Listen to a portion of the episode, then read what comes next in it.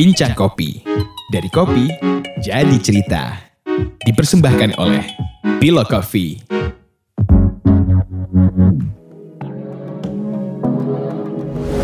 Selamat datang di Bincang Kopi bersama dengan saya Dian. Telah hadir di studio kami seorang peneliti kopi yang telah melakukan penelitian kopi di Indonesia selama 20 tahun lebih. Beliau adalah geografer dari University of Sydney, Australia, yaitu Dr. Jeffrey Nelson. Halo Jeff, bagaimana kabarnya Jeff? Kabar baik. Terima kasih udah datang. Eh, ini Jeff. Di jurnal-jurnal, Jeff kan menghindari istilah petani kopi Indonesia dan lebih memilih menggunakan istilah rumah tangga produksi kopi. Nah, apa Bung Jeff bisa menjelaskan alasan menghindari kata petani kopi itu? Ya, em, ya pertama kali ya terima kasih ya ngundang saya untuk bisa berbincang-bincang membahas masalah kopi di Indonesia. Ini dari dulu saya kalau dengar orang bilang itu petani kopi, itu seolah-olah mengkotakkan mereka bahwa mereka tidak punya pekerjaan lain selain dari kopi. Jadi kayak saya biasanya bilang itu rumah tangga yang produksi kopi. Karena kalau lihat beberapa program-program dari pemerintah atau dari perusahaan kopi itu sendiri atau dari organisasi lain, itu mereka semua selalu berasumsi bahwa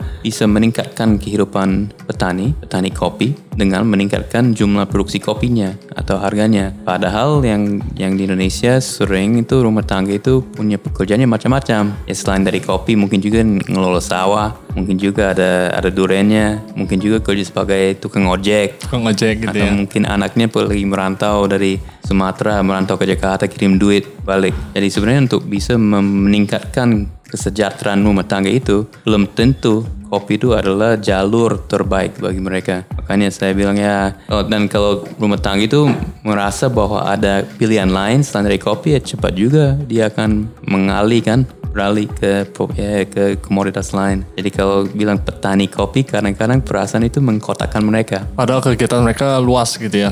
luas dan, dan ya kita nggak bisa asumsi bahwa ya produksi kopi ak- akan ya jadi jalur terbaik bagi mereka gitu. Oke Jeff, kebetulan nih kami juga ngundang Bung Radif sebagai apa co-host ya. Dia akan membantu saya untuk bertanya-tanya kepada Jeff. Ayo Bung, Halo, siap, siap, siap. Siap Mas Dian, siap membantu. ayo pertanyaannya apa nih Bung? Oke, Silakan. mungkin selanjutnya tadi menarik ya terkait istilah gitu karena kita harus berangkat dari terminologi yang kita sepakati gitu. Tapi bagaimana ya Pak Jeff kalau misalkan kita mau mengistilahkannya itu keluarga yang produksi kopi gitu. Nanti bagaimana kita bisa menyepakati itu dulu gitu di Indonesia sendiri gitu karena ada peasant, ada farmers, ada buruh tani. Nah, jadi eh, kalau kalau saya pribadi yang masih muda di kopi Indonesia masih masih bingung sih sebenarnya harusnya bagaimana menjelaskannya gitu. Kemarin juga eh, beberapa kali terlibat di apa ya pergi ke kebun-kebun kopi juga masih belum bisa menemukan juga sih. Nanti sepakatnya ini enaknya seperti apa gitu. Ya se- sebenarnya nggak mungkin kita akan bilang rumah tangga rumah tangga yang produksi kopi eh, kaku sekali kan. Jadi nggak mungkin dalam sehari-hari pakai itu kan. Makanya petani kopi. Tapi mungkin maksud saya kalau kita sebagai peneliti atau yang benar-benar ingin ada intervensi, ingin atau ingin ada memahami lebih dalam, ya harus selalu mengingat bahwa sebenarnya istilah petani kopi itu ya ada man- ada maknanya macam-macam di dalamnya gitu. Jadi selalu harus ingat bahwa sebenarnya itu istilah yang tidak terlalu tepat. Dia tidak berarti dalam sehari-hari akan berubah itu istilahnya. Nah, saya sempat baca juga tuh di salah satu makalah Bung Jeff yang terakhir ya, eh, 2019 tentang pertanian sebagai benteng. Itu bisa diurai Jeff, apa maksudnya? Eh, itu kayak kalau nggak salah Jeff itu mengajukan se- sebagai satu model ya untuk penelitian kopi Indonesia harus lihat eh, pertanian kopi ini sebagai benteng. Itu kami perlu juga tuh penjelasan lebih lanjut. Ya itu istilah itu sebenarnya yang saya dapat dari petani kopi ya petani petani kopi ya petani yang ada di Tanah Karo Ah. di Sumatera Utara. Terus saya lihat kayaknya petani apa pohon-pohon kopinya agak ya terbengkalai ya. Terus saya tanya kok kenapa begini kenapa nggak eh, memperbaiki kopinya? Ya dia bilang ya kopi itu kopi sebagai benteng hidup saja gitu dia bilang. Dan sebenarnya saya pikir-pikir di banyak tempat di Indonesia kopi punya peran yang hampir sama. Jadi rumah tangga itu menganggap bahwa kebun kopinya penting supaya dia nggak lapar. Tapi dia jarang berharap bahwa dengan bisa memproduksi banyak kopinya dia akan keluar dari kemiskinan atau akan menempuh hidup yang lebih baik. Seringnya dia ya mungkin kayak contohnya dia punya modal eh, sekian juta tahu dapat dari mana punya modal. Ya ada mereka secara bersama-sama biasanya keluarga itu harus ambil keputusan. Modal ini mau lari mau ditanam di mana. Nah, salah satu pilihannya adalah bisa tanam bisa tanam modal itu dalam kebunnya, beli pupuk, mungkin tanam baru, mungkin ya beli obat-obat atau apalah ya.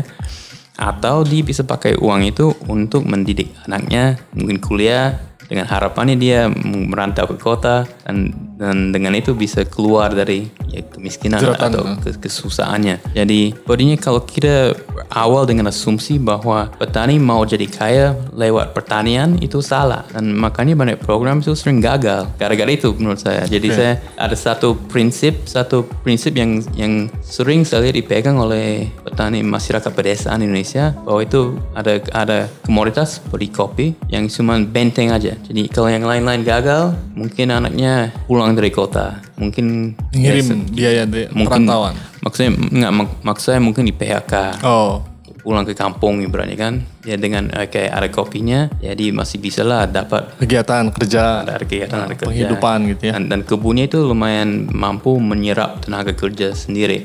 Jadi kalau kebun kopi ya sama seperti karet ya. Kita bisa aja dibiarin aja. Iya, berapa iya. tahun ya dengan misalkan alokasi tenaga sedikit bisa hidup berproduksi kembali gitu jadi kayaknya sering itu ya ya sebagai benteng hidup saja bukan sebagai jalur keluar dari kesusahan gitu Apa Div? Mau nanya apa Div? Banyak sih sebenarnya. Cuman Silakan, mau yang mana dulu nih?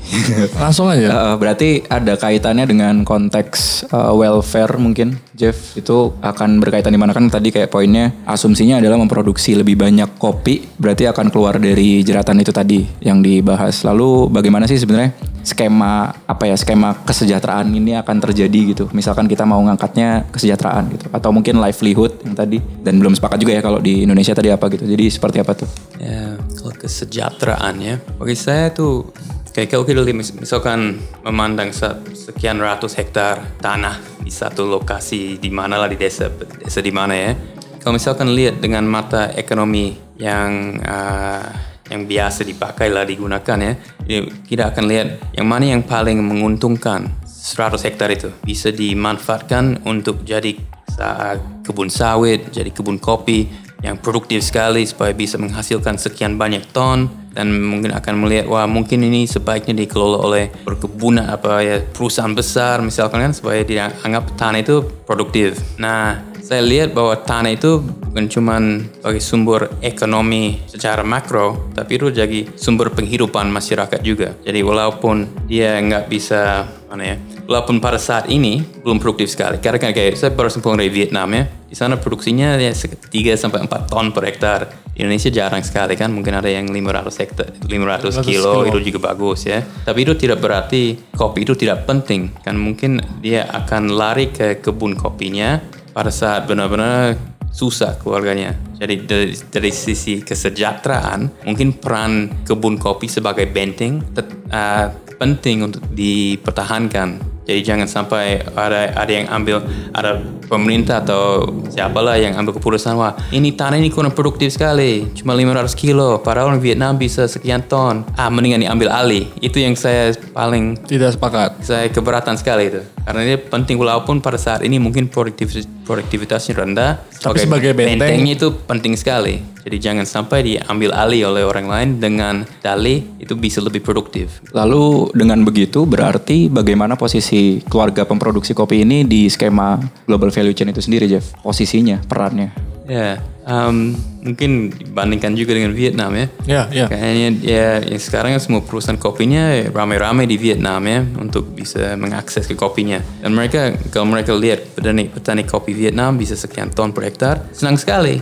Supply-nya bagus dan sebenarnya dari dari segi value chain-nya dari perusahaan-perusahaan besar, ya kayaknya mereka juga mau supply yang kencang kan, yang ada terus kan. Ya. Dan, dan dengan begitu juga bisa dapat harga murah segala kan. Nah, kayaknya mereka juga agak frustrasi dengan petani Indonesia. Kok, kok nggak mau investasi ke kebun kopinya, nggak mau lebih produktif lagi. Jadi dari sisi value chain ini maka selalu ada dari lead firm yang mendorong mereka meningkatkan produksi. Tapi saya lihat yang dengan cara banyak petani Indonesia yang nggak mau melakukan itu itu sama seperti sedikit protes terhadap value chain-nya sendiri itu. Eh, protes terhadap ya ah, pelaku-pelaku bisnis di value chain-nya. Karena mereka bilang enggak, ini cukup lah bagi saya dan ya nggak mau nggak mau kerja kerja keras sekali cuma untuk menguntungkan perusahaan-perusahaan besar atau perusahaan kecil apa pun. Oke, berarti posisinya sedang tetap eh, tetap meskipun nggak nggak bisa yield besar dan tidak bisa ngikutin apa namanya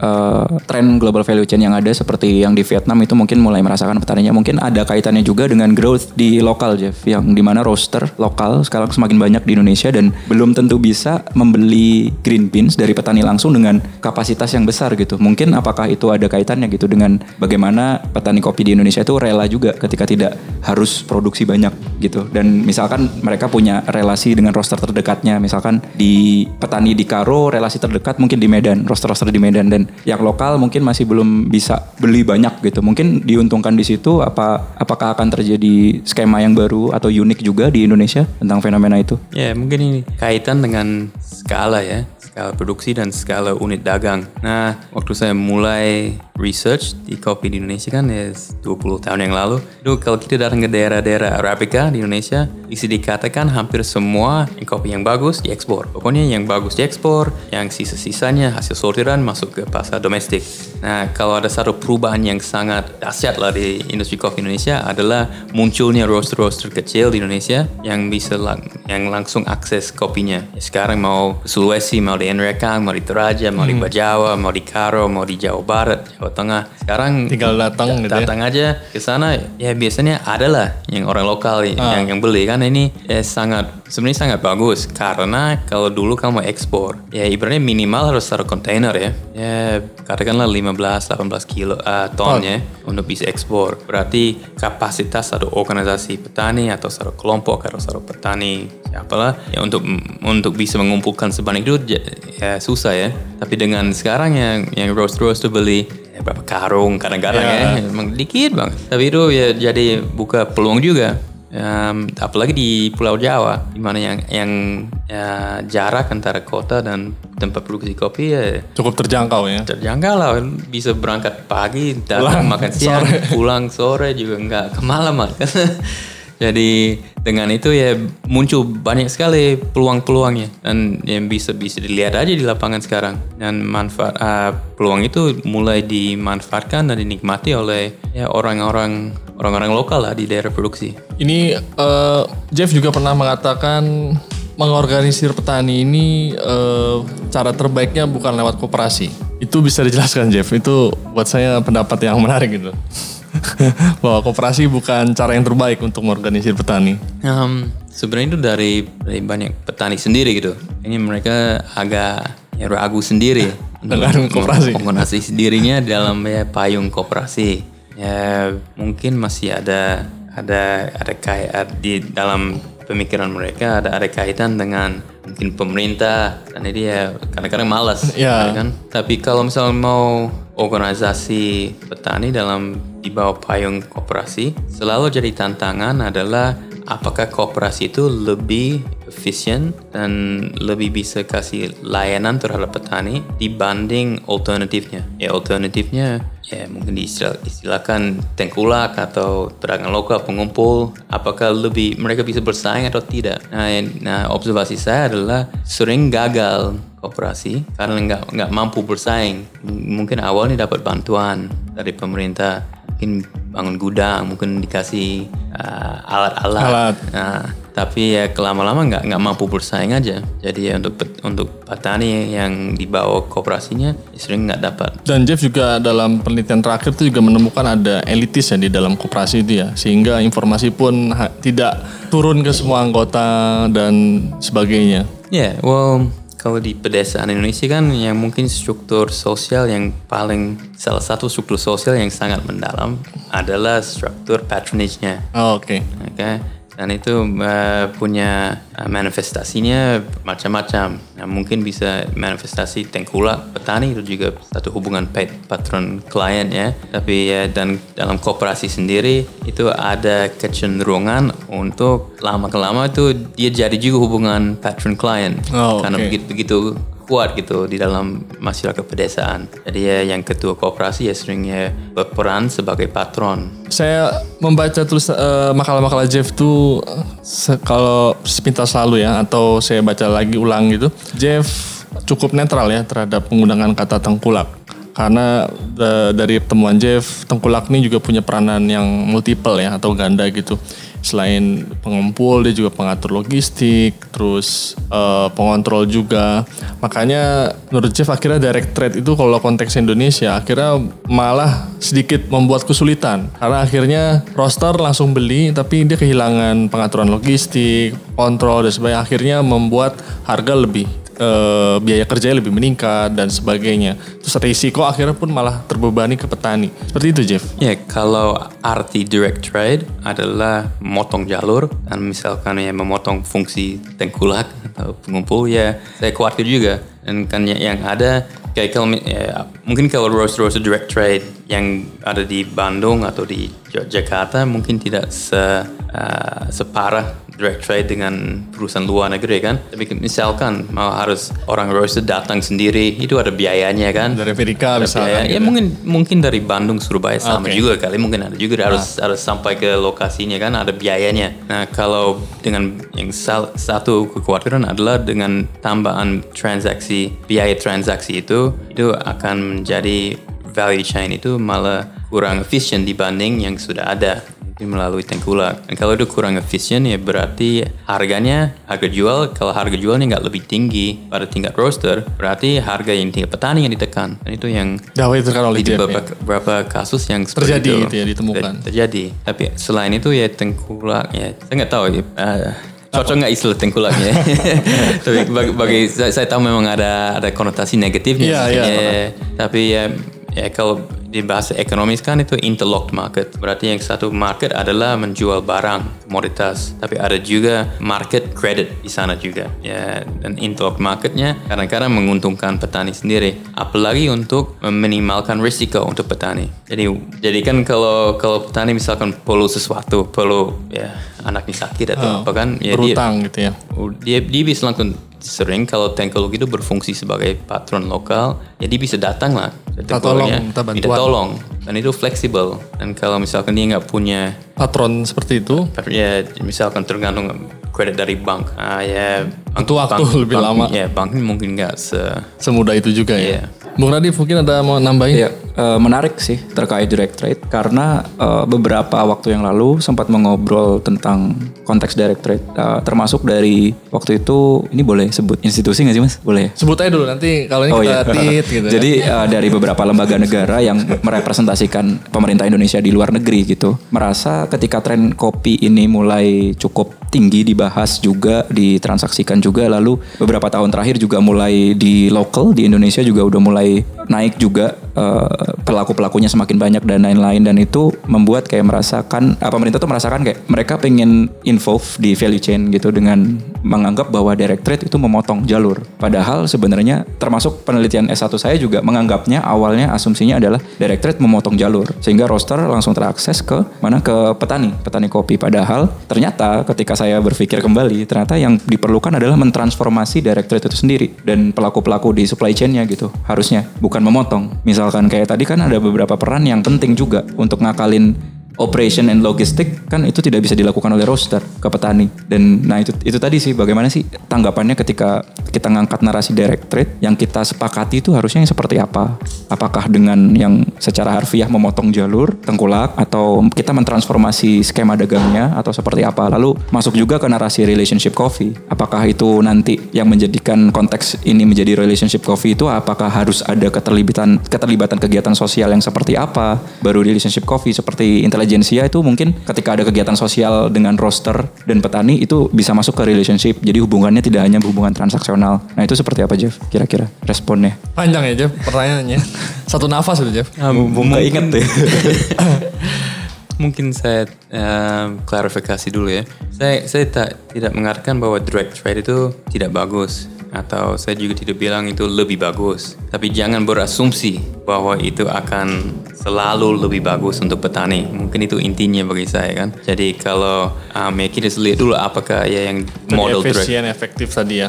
yang ya, model direct trade ini sebenarnya eh, mampu nggak bersaing dengan yang lain dan mampu nggak kasih layanan service kepada petani yang di, dibutuhkan. Jadi yang, yang munculnya yang istilah relationship coffee ya karena kesadaran bahwa memang ya seperti tadi ada kebutuhan logistik segala dan seringnya ya sebenarnya tetap aja lewat eksportir, lewat pedagang Pihak lain segala, gitu ya, pihak di luar lain. petani. Tapi ada transparansi kadang-kadang. Jadi ya, saya juga terlibat dalam ya, suatu kegiatan di mana kami menghubungkan organisasi petani dengan roaster-roaster. Dan di, di skema itu, roaster itu yang menentukan harga tingkat petani, baru yang lain-lain, pengolah, eksportir, ibaratnya mereka adalah penyedia jasa. Jadi mereka dan jadi lebih transparan kan mereka berapa yang mereka minta. Bisa juga model yang seperti itu. Seperti konsorsium roaster dan petani mungkin. Ketika Hmm. harga di situ diperbincangkan dan ditentukan gitu.